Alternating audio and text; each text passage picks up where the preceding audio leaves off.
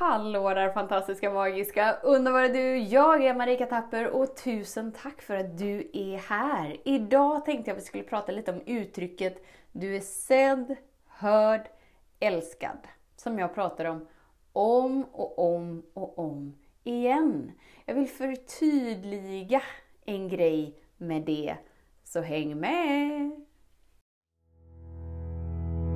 Så den stora frågan är, hur lär vi oss att älska oss själva utan att vara egoistiska och självgoda? Det är frågan och denna podcast den kommer ge dig svaren på det och mycket mer. Mitt namn är Marika Tapper och varmt välkommen till Hemligheterna bakom att älska sig själv. Jag har precis lyssnat på gårdagens avsnitt, eller dagens avsnitt blir det för mig. Djurparken, jag tyckte det var lite finurligt. Just det här att kunna ta, ta rollen som observeraren. Inte att vi ska identifiera om det är en zebra eller en apa eller vad det än är, utan bara så här, jag tittar på det, jag upplever det så som jag upplever vädret, jag upplever djuren. Jag behöver inte göra någonting med det. Och då nämnde jag det jag brukar nämna, att det är din födslorätt att känna dig trygg och sedd och hörd och älskad. Och då tänker jag så här, att det är så lätt att fortfarande söka efter den bekräftelsen i andra. Lite som att du har lyssnat på den här podden x antal avsnitt. Och så går du liksom till dina nära relationer eller till dina arbetskamrater och liksom så verkligen försöker stöta om, men är jag sedd, hörd och älskad? Ja, men nu har jag hört Marika säga att det är min födelserätt att jag är sedd, hörd och älskad. Och så försöker vi liksom hitta det i andra personer, att vi fortfarande söker efter den bekräftelsen inom någon annan. Och så använder vi de andra till att liksom värdera, nej, nej jag var inte sedd, hörd och älskad idag heller. Nej. Det innebär att jag inte har gjort alla rätt. Det innebär att jag fortfarande inte förstår Marikas budskap. Det innebär bla bla bla bla bla bla bla. Alltså bara i de här orden så kan vi bryta ner det hur mycket som helst. Det är så spännande! Okej, okay, så här. För det första så är det ingen annan som ska ge dig upplevelsen av att vara sedd, hörd, älskad, trygg. Utan den upplevelsen är din födslorätt inom dig. Vad menar jag med det? Jo, jag menar att du redan bär den energin. Du är redan det inom dig. Och när din relation blir mellan dig och den oändliga kärleken, snarare än mellan dig och separationen som vi upplever med andra personer, då är du fri. Och så här också. Om du då använder andra personer som, eh, som ett bevis, hur, hur långt har jag kommit i min utveckling? Känner jag mig sedd, hörd och älskad? Känner jag mig bekräftad? Känner jag mig, nej, nej men jag gör inte det. Det innebär att jag fortfarande är dålig. Här alltså, här sätter vi betydelse och mening Alltså jag sätter en slutsats på det som utspelar sig framför mig. Då vet vi att vi är i vårt mentala sinne. Vi är inte förankrade i hjärtat. Var upplever vi att vi är sedda, hörda, älskade? I hjärtat. Alltså när du är större än dina tankar. När du tillåter dig att vara större än dina känslor. Hur blir jag större? du bara observerar. Att du är den som tittar på dina tankar, du är den som tittar på känslorna. Du är inte tankarna, du är inte känslorna. Då, ting wow, jag är större än tankarna, jag är större än känslorna. Det är då du är förankrad med den oändliga kärleken och det är då du har upplevelsen av att vara sedd, hörd och älskad. För att du ger den till dig. Det innebär att du börjar bekräfta dig som sedd, alltså att du ser dig. Du ser det som pågår inom dig. Du hör dig, du hör det som pågår inom dig. Du älskar dig. Du har förmågan att älska dig på ett sätt som ingen annan har förmågan att älska dig för att du är villig att älska det som är inom dig oavsett hur det är, för allt är kärlek. Och vad menar jag när jag säger att du är förankrad i den oändliga kärleken när du är i hjärtat? Då kan det ju låta som att vi kan tappa förankringen till den oändliga kärleken. Och det är ju inte sant. För du kan aldrig separera dig ifrån helheten, för det är allt du är hela tiden.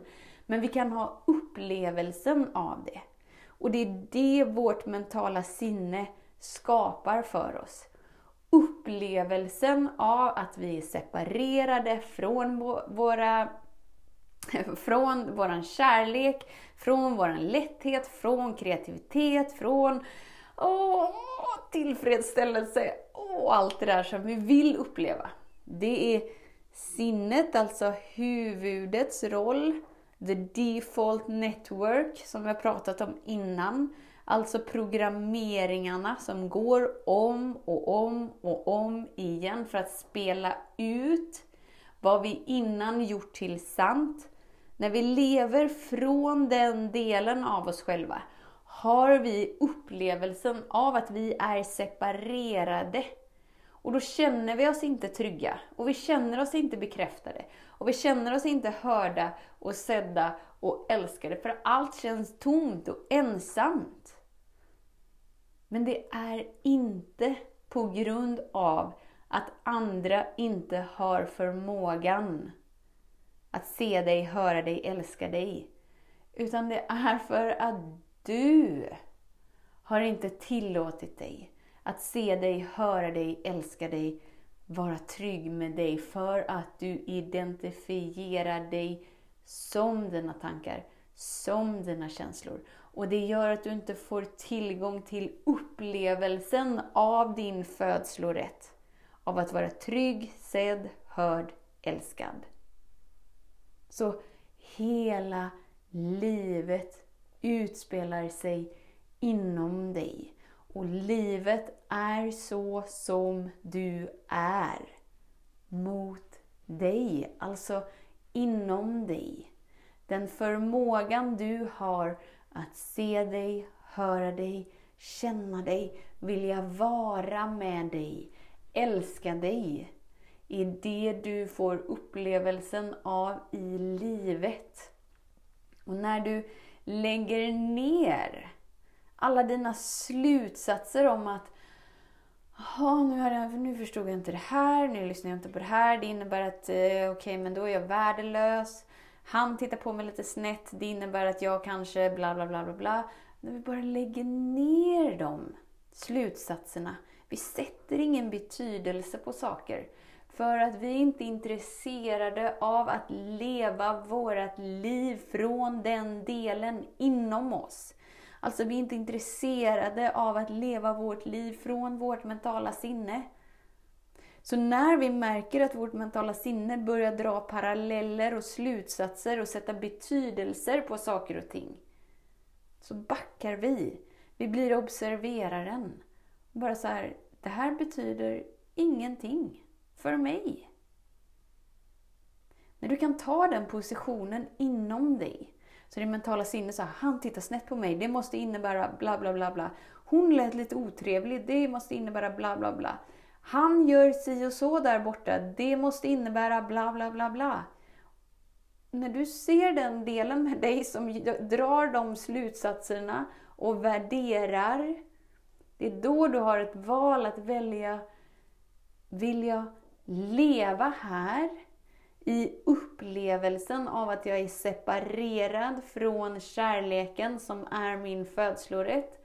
Eller vill jag välja att inkludera mig i allt jag redan är?